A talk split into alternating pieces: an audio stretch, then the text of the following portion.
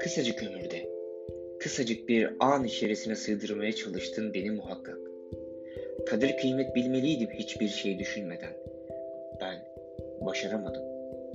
Öz eleştirilerimi açığa vurdukça daha bir kıymet kaybediyorum senin gözünde, biliyorum.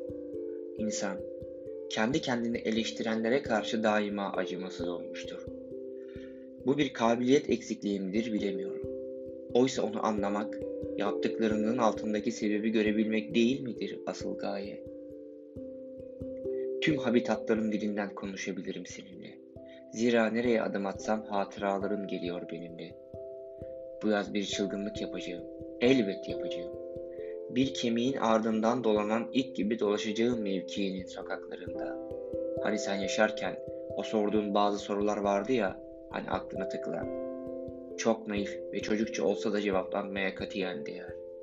Nasıl bu kadar saf, nasıl bu kadar ruhuna değinilmemiş kaldın bilemiyorum. Bir kez olsun yalnız ben kaldırabilmiştim başını, başını gömdüğün kağıtlardan. Haklısın. Ben en güzel duyguların katili oldum. Senin dilinden dökülen her kelime beni ziyadesiyle yaraladı. Bunu bil ve anla diye de söylemiyorum. Ve fakat kapattım pencerelerimi, kapılarımı. Sürgüledim hepsini, kilidini. İnsanın ölmesine rağmen devam edermiş acıları böyle zamanlarda.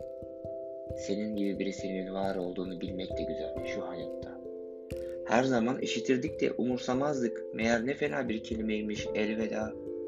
Seninle bir gün halbuki kelimesini tartışmıştık hatırlarsın. Eh, hal середнячок и с юмором.